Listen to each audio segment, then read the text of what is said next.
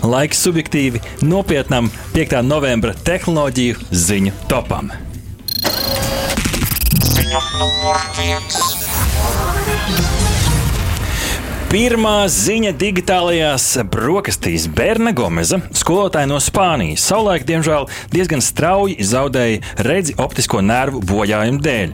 Taču nesen, pateicoties Jūtas Universitātes un Miguel Hernandez Universitātes zinātnieku centieniem, skolotāja ar elektrodu implanta palīdzību ir spērusi pirmo soļu savas redzes atjaunošanai, kā ziņo tekspot.com. Revolucionārais izrāviens redzes atjaunošanai ir panākts ar Moran Cortivis prothesis implantu. Ierīce, kas sastāv no 96 elektrodiem, kas tika pievienota pat tiešo pacientes smadzeņu garozai. Un tieši konkrētajai daļai, kas atbild par redzes nodrošināšanu. Elektrodi var tikt stimulēti konkrētās kombinācijās, lai tie raidītu pa taisnu uz pacienta smadzenēm attēlu, vismaz šo interpretāciju. Lai gan pagaidām Gomezes kundze ar to palīdzību redz tikai gaismas punktus, horizontālas līnijas un pat primitīvus burtus, taču šis patiesībā ir liels sasniegums cilvēka redzes atjaunošanā, jo attēli nevis tiek padoti uz aci, bet tiek padoti pa taisno uz smadzeņu garozu. Arī šķiet, ka smadzeņu implanti ir patiesi uzņēmuši, ap, uzņēmuši apgriezienus, vai ne? Jo mēs jau esam ziņojuši raidījumā gan par uh, implantu, kas paralizētam vīrietim uh, palīdz raidīt signālus uz datoru, kas to savukārt interpretē vārdos. Mm -hmm, Tātad, principā, bija. tu nevari runāt, bet uh, dators caur tādiem smadzeņu implantiem pārtulko tos tādās nu, uh, frāzēs, šķiet, kas jau iepriekš bija mm -hmm. ierakstītas, un uh, tad varēja it kā atbildēt uz kādiem jautājumiem vai sarunām sarunāties. Tāpat arī kādai sievietei implants mēs pavisam nesen stāstījām par to, ka palīdz uh, cīnīties ar depresiju. Mm, samazina vismaz to. Jā, jā un, mm -hmm. un, protams, arī, arī šī gada ziņa, vai ne? Uh, Neuralink, jeb Elona Muska viens no projektiem, mm -hmm. kur uh, pērtiķītis uh, Pageris uh, spēlēja slaveno spēli pong Jā, ar tikai ar smadzeņu, taisnība, smadzeņu palīdzību. Un vēl droši vien iesaku mūsu klausītājiem paskatīties festivāla Lampa šī gada mm -hmm. diskusiju, kurā raidījums digitālās brokastis, kad es stāstīju par dažādiem veidiem, kā uzlabot cilvēku un šādu čipi, bija reiz viens no sarunu tematiem. Jā, varat atrast šo raidījumu ierakstu visās populārajās podkāstu platformās. Noteikti noklausieties, ja šī tēma interesē vairāk. Ziņa numur divi. Video zvanu platforma izaugsme attīstās un turpinās. Microsoft paziņoja, ka tas tā Teams platforma, līdzīgi kā Meta, ies metaverse virzienā ar 3D virtuālajiem cilvēku avatariem. Savukārt Zoom ir uzsākuši testus ar Zoom platformā izvietotām reklāmām. Sāksim ar pirmo, ar Microsoft. Neilgi pēc tam, kad Facebook mātes kompānija nomainīja savu nosaukumu uz Meta platformas, tā signalizēja tā jauno attīstības ciklu. Protams, otrs milzīgs gigants Microsoft jau nepaliks atbildīgs atbildi parādā, un pāris dienas pēc tam paziņoja, ka Teams platformai, kur cilvēki izmanto video zvaniem, tiks pievienota meša platforma. Varbūt sarežģīti, bet tas, tā ideja ir pavisam vienkārša. Šajā Teams platformā turpmāk varēs izveidot savu vai nu 2D vai 3D virtuālo avataru, jeb šo digitālo līdzinieku. Un šo digitālo līdzinieku varēs izmantot tajos brīžos, kad vienkārši negribās slēgt iekšā savu kameru, vienalga kāda iemesla dēļ.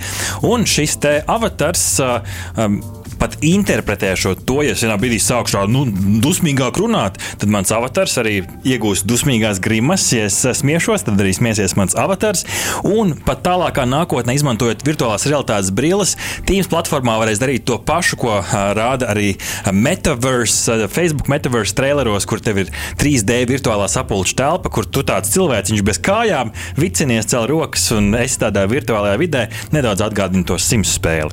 Un Zoom savukārt izzina iespējas basic, jeb cilvēkiem, kas neizmanto maksas profilu, rādīt, rādīt dažādas reklāmas, rādīt gan tieši zvana sākumā, ja šo sapulci izveidojas basic līmeņa lietotājs. Tātad, ja, ja tu neko nemaksā, tad noskaties reklāmu, un viņi šādā veidā vēlos iegūt papildus investīcijas un arī turpināt piedāvāt Zoom platformu bez maksas.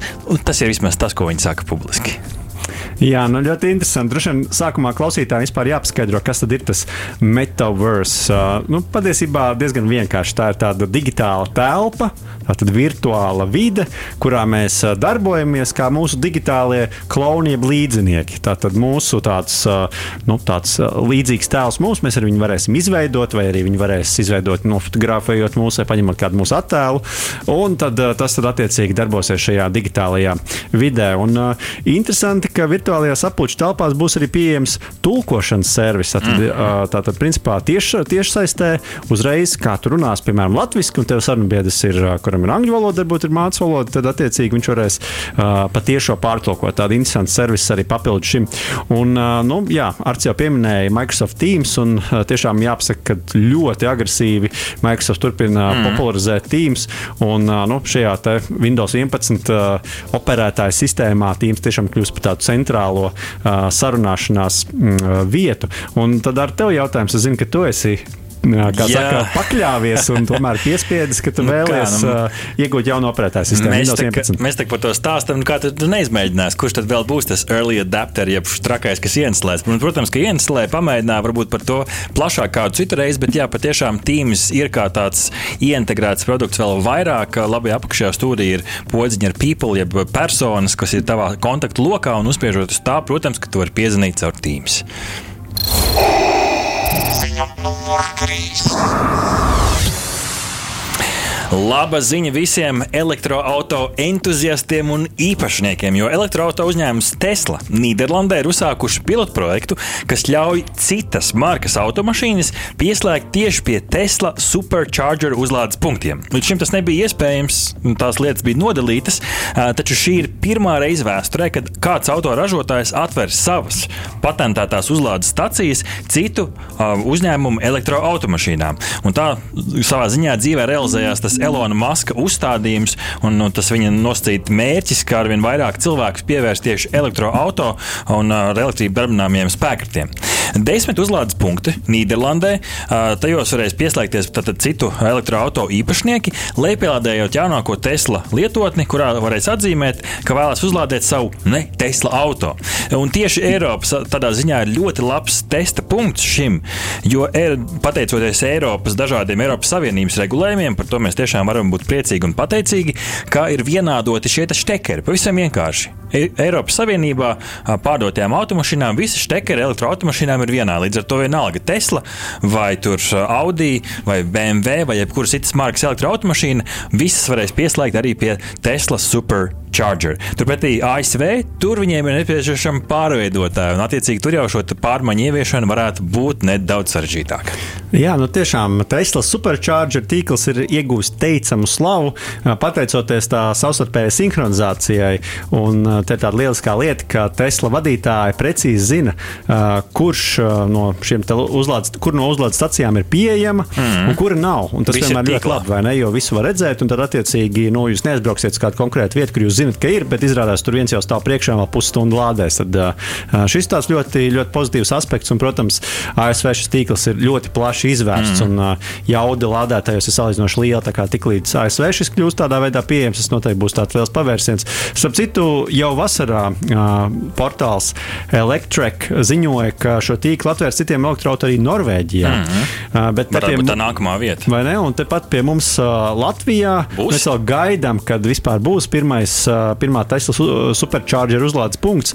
Bet mājaslapā, starp citu, redzams, ka visticamāk tie pirmie divi punkti būs būs, kā jums šķiet, klausītāji, ne jau Rīgā. Pirmie uzlādes punkti būs Salaspīlī un Rēzeknē. Par Rēzekni ļoti interesants jautājums. Par šo maršrutu tik bieži. bet, jā, jā, jā. Cilvēki jau brauc taisnība, tur lielā šosē. Ir, ir, ir varbūt, ka Rēzeknē daudz cilvēku ir sapirkuši Teslas. Varbūt, varbūt to gan jau rāda viņa statistika, bet jā, katrā ziņā priecīga ziņa. Tas vienkārši, vienkārši valodā tas nozīmē to, ka būs labāks un plašāks iespējas uzlādēt savu elektroautorātu un neatapsies tā teikt meža vidū ar izlādētu bateriju. Ziņa numur 4. Ziņa numur 4 nedaudz tāda statistikas pilna, jo tā ir par statistiku. Latvijā kopumā 91,1% mājsaimniecību tām ir pieejams internets pēc centrālās statistikas pārvaldes veiktās ikgadējās iedzīvotāju aptaujas par informācijas un komunikācijas tehnoloģijas lietošanu mājsaimniecībās, kā ziņo Delfa biznesa sadaļa. 21. gadā, salīdzinot ar 20. gadu, par 1,9% punktiem ir pieaudzis mājsaimniecību īpatsvars, kurās pieejams platjoslas internets. Skan sarežģīti, bet ideja pavisam vienkārši. Tas ir internets, kas vismaz nu, pēc Latvijas valsts radio un televīzijas centra datiem ir ar ātrumu vismaz 30 megabiti sekundē. Vienkāršā valodā tu vari lejupielādēt lielāku failu diezgan ātri un nav jāgaida, jāgaida pārāk ilgi. Protams, šeit mēs nerunājam par HD filmām un tā tālāk. Um, un, attiecīgi, pilsētā šis ātrais platjoslas internets ir pieejams 90,7%, bet laukos 87,1%, kas man šeit ir ļoti labi iezīmēts. Tas nozīmē, ka cilvēki var pārvākties ārpus Rīgas, un tur joprojām internetam vajadzētu būt diezgan, diezgan labam. Par 2,8%, jeb kopumā līdz 89,7% ir pieaudzis arī regulāro interneta lietotāju skaits, jeb tie cilvēki, kas lieto internetu vismaz vienu reizi nedēļā. Un kas ir interesanti, ko gribās izcelt, ka jauniešu vecuma grupā, tad 16 līdz 24 gadi, vismaz pēc šīs aptaujas rezultātiem, internetu regulāri lieto 99% respondentu. Tad praktiski visi jaunieši vismaz reizi nedēļā pieslēdzās internetam. Protams, arī citi procenti un statistika, bet man šķiet, ka šis bija tas interesantākais, kas jāizslēdz. Būtībā secinājums ir, ka jaunieši ir visu laiku online. Jā, nu, ja mēs parunāsim par ierīcēm, tad šī pati uh, aptauja saka, ka vietālunis joprojām ir karalis. Tātad Aha. 79% iedzīvotāji izmanto tieši šo ierīci interneta patēriņam.